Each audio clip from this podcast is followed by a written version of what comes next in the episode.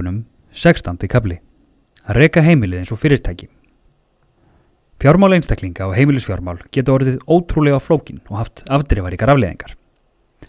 Helsta ástæðan fyrir því að svo fer er aðgerðaleysi og sinnuleysi miklu frekar en rángar ákvarðanir.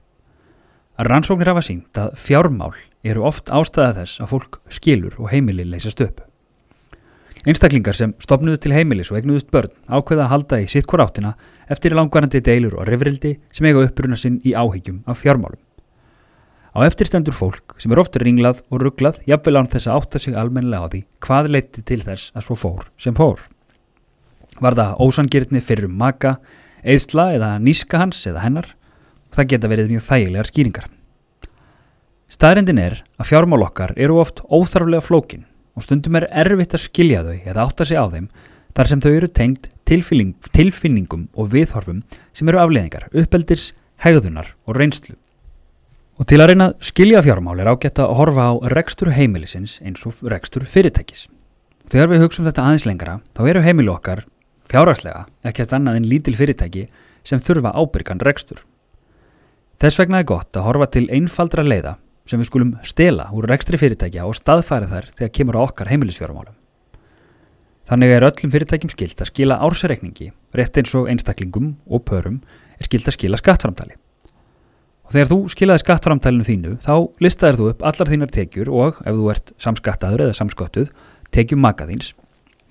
Þarna eru líka eignir taldar upp, svo sem bíl og íbúð og innistæður í böngum og hlutabrif og svo dæmi séu tekin.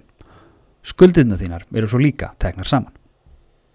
Þetta er líka gert þegar fyrirtæki skila ásreikningi sínum en það sem skilur á milli er að hjá fyrirtækjum eru öll útgjöld fyrirtækisins líka listuð upp en ekki bara tekjurnar eins og hjá fólki. Þannig er hægt að sjá á einni síðu sem niðurstöður rekstrareiknings fyrirtækis þær tekjur sem eru teknar saman. Útgjöld eru listuð, listuð upp og niðurstaðan verður annarkvort hagnaður eða tap. Og ef fyrirtæki tapar peningum ár eftir ár þá verða eigendur annarkort að leggja fyrirtækinu til auki hlutafið en algengast við þessar aðstæður er að fyrirtæki sé einfallega tekið til gjaldrótaskipta og það fer á hausin. Ef heimilið okkar eða hreins verður stöðut meira við öflum þá verðum við að fjármagna tapið á heimilinu. Það getur við til dæmis gert með því að auka skuldir okkar eða fá stuðning til að borga tapið. Það getur virkað til skamstíma en viðvarandi taprekstur á heimili og tilherandi skuldsetning gengur ekki til lengri tíma. Sum skuldsetning eru þetta nöðsynleg eins og lán til að kaupa íbúðarhúsnæði eða námslán til að sækja sér mentun og sérstaklega ef svo mentun eigur tekjur í fremtíðinni. En lántaka til að standa undir daglegum útgjöldum er ekki sjálfbær til lengri tíma. Útgjöldin búa til hagnaðin. Það er gömul og góð regla í rekstri að útgjöldin búa til hagnaðin. Á mannamáli þýðir það að við þurfum sífælt að vera vakandi yfir útgjöldunum okkar.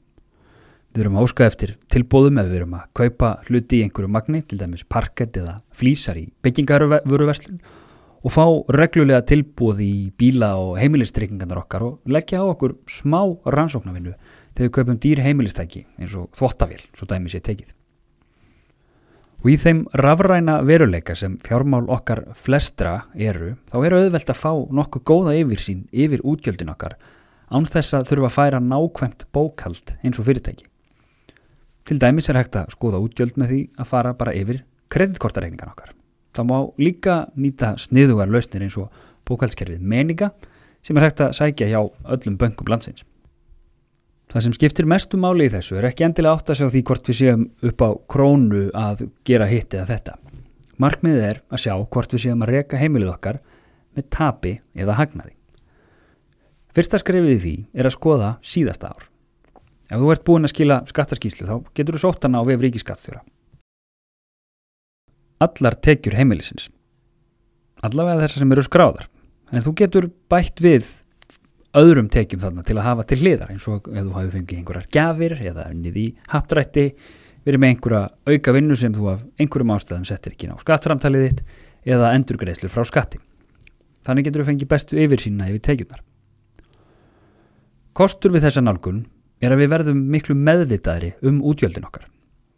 Því, eins og ég sagði þann, það eru oftast útgjöldin sem leiða til þess að við rekum heimilið með annarkort hagnaði eða tapi. Útgjöldin eru líka sá liður í rekstrinum sem er almennt auðveldast og fljótlegast að hafa veruleg áhrif á. Þú ert til dæmis með áskrifta sjónvastöðu sem kostar á mánuði 8.058 krónur, þá er það kannski ekkit fjárhæð sem þú veldir neitt sérstaklega fyrir þér.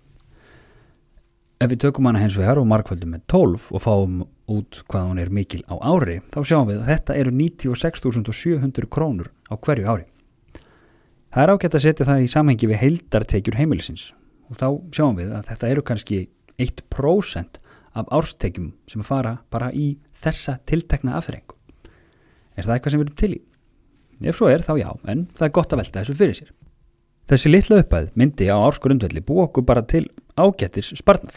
Það er þess vegna svo mikilvægt að horfa á tekjur og útgjöld á árskurundvelli en ekki á mánuði.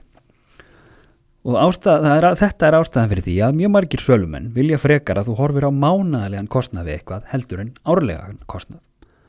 Mánuðurinn kostar smáera en á hverju ári kostar það sem þú kaupir helling. Þannig getur við betur metið hvar við eigum að skera niður og hvar ekki. Gerðu áætlun. Fyrirtæki gera oft fjárasáætlun fyrir komandi rekstrarár. Það er reynd að áætla útgjöld og tekjur. Ef við til dæmis ákveðum í vetrarhörkunum í desember að næsta sumar þá ætlum við í ferðalagi í sólina, þá er rétt að setja þessi útgjöld á áætlun. Og fyrst ég nefni hérna desember, nýlega vakti Björn Berg Gunnarsson, hagfræðingur og viðmælandi í leitinu af peningunum, aðtegli á því að vegna verðhækana og verðbólgu þá verða jólinn dýrari í ár en síðustu ár. Þess vegna er mikilvægt að byrja að leggja til hliðar fyrir þeim núna. En auðvitað getum við aldrei séð fyrir alla óvæntar hluti. Það annars þá væri þeir ekki óvæntir eða við hefðum einhver konar spátumskáfu og værum sennilega miljardamæringar. En með grófri áætlun þar sem við getum fært í bókar þá útgjaldar þætti sem við vitum af og þekkjum og eru kannski búin að ákveða og það er tekjur sem við gerum ráð fyrir að afla að þá höfum við ágættis yfir sín yfir hvað við getum gert eins og til dæmis það að fara í frí og hvað við getum ekki gert. Að reyka heimili er því ekkert alls ólíkt því að reyka fyrirtæki og þess vegna skaltu nálgast fjármálaðín með sama hætti og vera vissum að þegar þú kaupir eitthvað þá sé það greitt af peningunum sem eru til af hagnaðnum án þess að þú þurfir að taka lán fyrir þeim nema í algjörum undantekningar tilveikum. Það verður líka svo góð tilfinning að fara í sumarfrí á næsta ári um sumarið og vita að þegar við komum heim þá þurfum við ekki að verja næstu mánuðum í að vinna af okkur skuldirnar af fríinu.